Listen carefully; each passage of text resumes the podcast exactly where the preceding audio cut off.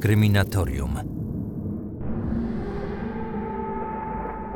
Trzeci już odcinek dotyczący historii rzeźnika z Wildy. Wygląda na to, że odcinkowa seria dotycząca jednej sprawy okazała się dobrym pomysłem.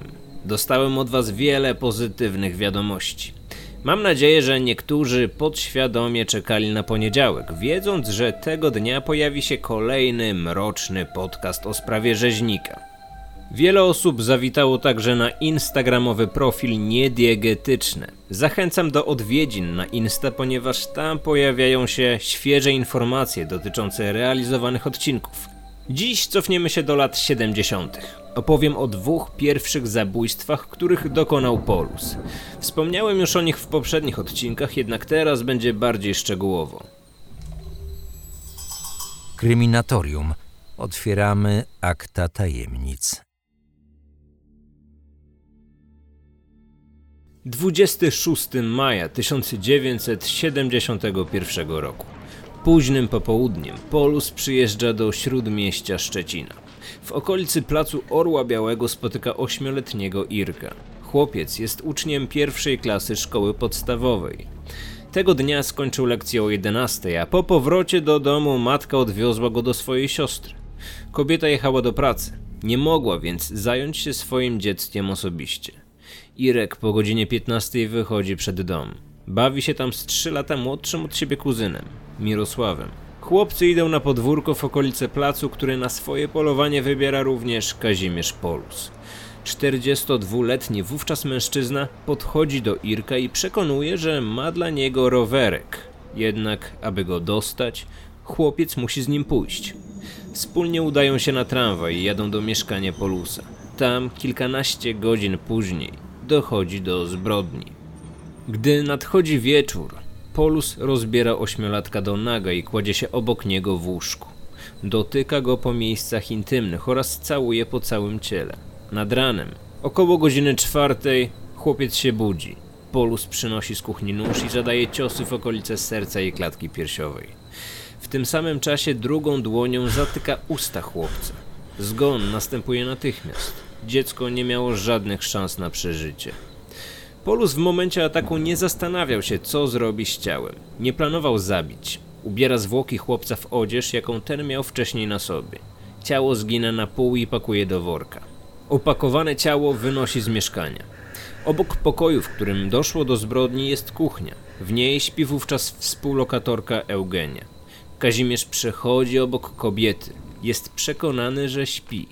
Jednak skrzypiąca podłoga zwraca jej uwagę. Eugenia spogląda na wychodzącego z mieszkania Polusa. 13 lat później podczas rozprawy zezna, że Kazimierz niósł pod pachą duży pakunek o długości 80-100 cm i szerokości między 30 a 40 cm. Jednak wtedy nawet przez myśl nie przeszło jej, jaka może być zawartość tej paczki. Nie zdawało sobie sprawy, że w pokoju obok doszło do morderstwa dziecka. Polus z opakowanymi zwłokami idzie na stację Szczecin-Skolwin. Najbliższym pociągiem jedzie w kierunku Śródmieścia, wysiadając na stacji Niebuszewo. Ta dzielnica kryje za sobą inną, mroczną historię. Odcinek 17 podcastu opowiadał o rzeźniku z Niebuszewa. Mordercy, który grasował na tym terenie kilkadziesiąt lat wcześniej. Ten podcast znajdziecie w aplikacjach podcastowych, innymi na Spotify, iTunes albo Google Podcasts.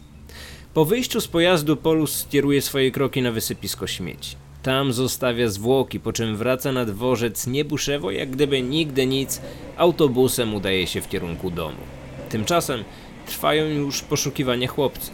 Pojawiają się pierwsze komunikaty w prasie, zawierające informacje o zaginięciu, a obok notatki jest także zdjęcie uśmiechającego się chłopca, to ośmioletni Irek, który nigdy nie wróci już do domu. Zwłoki znalezione zostają dopiero kilka miesięcy później. Ciało Irka było wówczas w znacznym stanie rozkładu. Wstępna identyfikacja dokonana przez rodziców była możliwa tylko przez porównanie odzieży. Zakład Kryminalistyki w Warszawie przeprowadza badanie porównania znalezionej na wysypisku ludzkiej czaszki ze zdjęciem zaginionego chłopca. Wtedy nie było jeszcze badań DNA, więc potwierdzenie tożsamości było trudniejsze niż obecnie.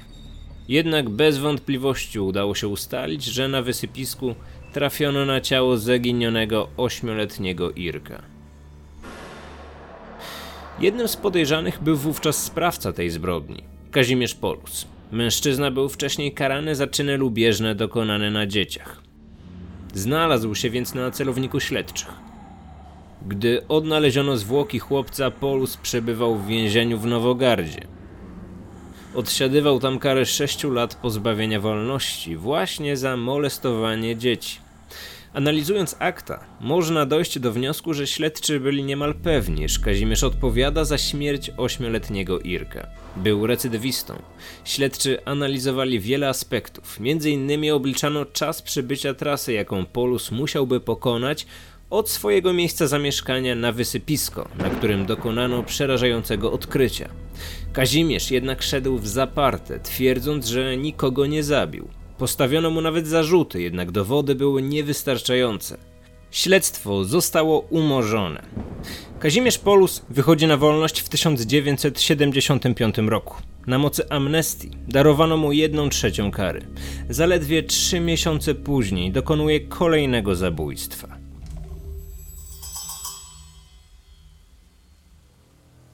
14 grudnia 1975 roku. Kazimierz po zakończonej pracy idzie na dworzec główny PKP w Poznaniu, aby znaleźć tam młodego mężczyznę do praktyk seksualnych. Trafia na siedemnastolatka, Henryka B., który przyjechał do Poznania z niewielkiej wsi koło Kostrzyna Wielkopolskiego. Był uczniem szkoły tapicerskiej i feralnego dnia wybierał się na kurs doszkalający do Mosiny, nieopodal Poznania. Kazimierz zabiera siedemnastolatka w okolice swojego miejsca pracy. Wchodzą do barakowozu, który znajduje się niedaleko jeziora Maltańskiego. Mężczyźni są tam zupełnie sami. Po chwili Polus wychodzi na dwór, aby przynieść wodę na herbatę. Gdy wraca, widzi, że nowo poznany siedemnastolatek chowa pod pazuchę jego radio tranzystorowe i zbiera się do wyjścia. Nie wiadomo, czy Henryk naprawdę próbował okraść Polusa, czy Kazimierz wymyślił tę sytuację, aby w ten sposób usprawiedliwić swoją zbrodnię. Polus dał nowo poznanemu ultimatum. Daruje mu próbę kradzieży, jeżeli siedemnastolatek zgodzi się na stosunek homoseksualny. Jednak młodzieniec odmawia i uderza Kazimierza w twarz. Polus łapie za stojący na stole luksfer, szklany element budowlany, który pełnił w barakowozie funkcję popielniczki. Tym przedmiotem kilkukrotnie uderza w głowę Henryka. Gdy ofiara upada na ziemię, Polus rozpina spodnie i ściąga jego majtki. Na ten widok doznaje wytrysku, którego podczas zeznań w charakterystyczny dla siebie sposób nazwie poluzją. Henryk bardzo krwawi w wyniku licznych obrażeń następuje zgon. Sprawca ukrywa ciało obok miejsca zbrodni. Obok barakowozu, w którym doszło do ataku, wykopuje dół na głębokość około jednego metra i tam zakopuje ciało. Rzeczy osobiste ofiary pali w piecyku. Żadnych świadków, żadnych śladów. To zabójstwo mogło nigdy nie zostać wykryte. Sprawa wyjaśniła się dopiero po zatrzymaniu Polusa w 1983 roku. Zamordowany Henryk B. miał wrócić do domu 6 dni później. Jednak gdy 20 grudnia nie dotarł do rodzinnej miejscowości, jego matka zaczyna się niepokoić. Czeka kolejnych kilka dni, licząc, że syn zabalował. Spotkał znajomych, ale z lekkim opóźnieniem wróci akurat na święta. Tak się jednak nie stało i 25 grudnia, a więc 11 dni po wyjeździe i zabójstwie Henryka, jego matka zgłasza zaginięcie na milicję. Niestety, mężczyzna jest już wówczas zakopany pod ziemią w okolicach jeziora Maltańskiego w Poznaniu. Milicja nie trafia na żaden ślad. Kobieta o śmierci swojego syna dowiaduje się dopiero 8 lat później, gdy milicjanci wykopują szkielet Henryka B. Matka oraz brat zaginionego identyfikują chłopaka na podstawie ubrań. Nie ma wątpliwości. Siedemnastolatek stał się ofiarą mordercy.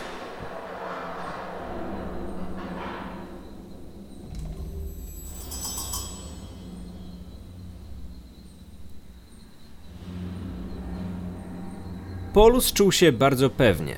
Dwa miesiące po zabójstwie Henryka dopuszcza się kolejnego przestępstwa. Tym razem jego ofiarą zostało dziecko.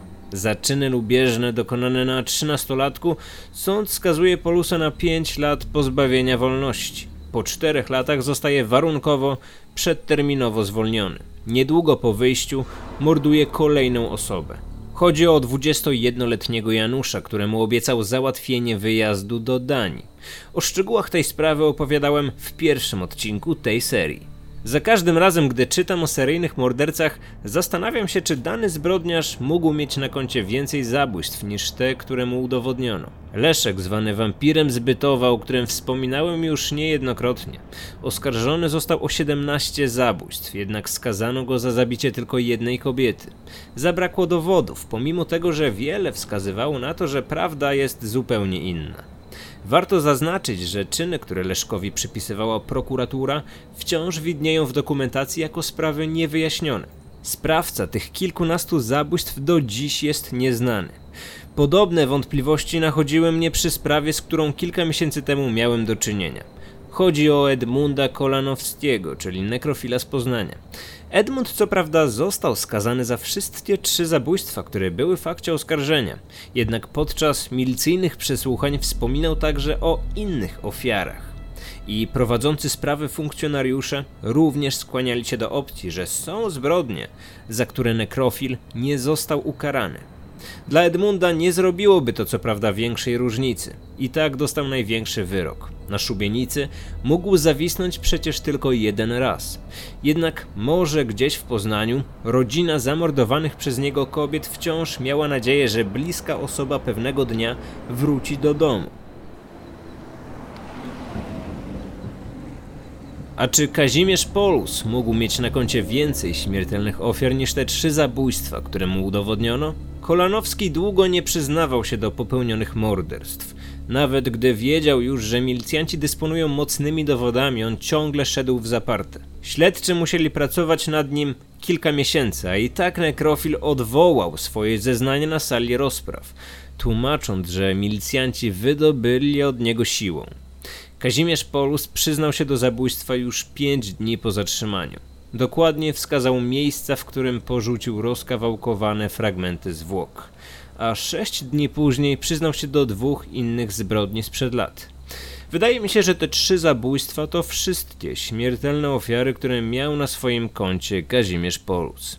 Niestety nie mamy zbyt wielu informacji, jeżeli chodzi o prywatne życie Polusa. Zazwyczaj najwięcej szczegółów dotyczących dzieciństwa i wieku dojrzewania przestępcy można znaleźć w opiniach psychiatrycznych i psychologicznych. Jednak w przypadku tej sprawy nie miałem dostępu do tych informacji, więc dzieciństwo Polusa jest małą tajemnicą. Wiem, że jego matka zmarła podczas jednej z jego odsiadek w 1968 roku, a więc Kazimierz miał wówczas prawie 40 lat. Kobieta była sparaliżowana na lewy bok. Miał siostrę i brata. Nie utrzymywał jednak z nimi żadnego kontaktu. W dniu pierwszej rozprawy jego rodzeństwo wciąż żyło.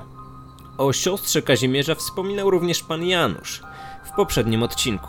Mężczyzna mówił, że w momencie zatrzymania właścicielka domu, w którym mieszkał, zadzwoniła do siostry Polusa informując o całej sprawie. Jednak Kobieta stwierdziła, że postawiła już na nim krzyżyk. Nie chciała mieć z nim żadnego kontaktu i trudno jej się dziwić.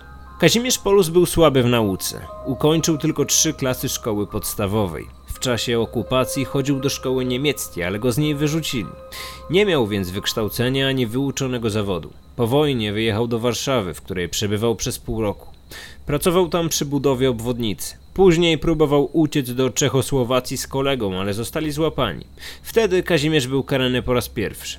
W tekście na temat tego zbrodniarza opublikowanym w magazynie Detektyw znajduje się kilka ciekawych szczegółów. Kazimierz podobno jako dziecko miał moczyć się w nocy i przez to był karany przez surowego ojca. Te zdarzenia tak wryły mu się w pamięć, że nie mógł przez to normalnie współżyć z kobietami. Polus na pewno miał żonę, którą poślubił w wieku 23 lat. Jednak doszło do rozwodu. Najprawdopodobniej nie miał dzieci. To koniec historii Polusa, ale tylko na dziś, ponieważ za kilka dni pojawi się kolejny odcinek o sprawie. Kryminatorium. Zabójczo ciekawe historie.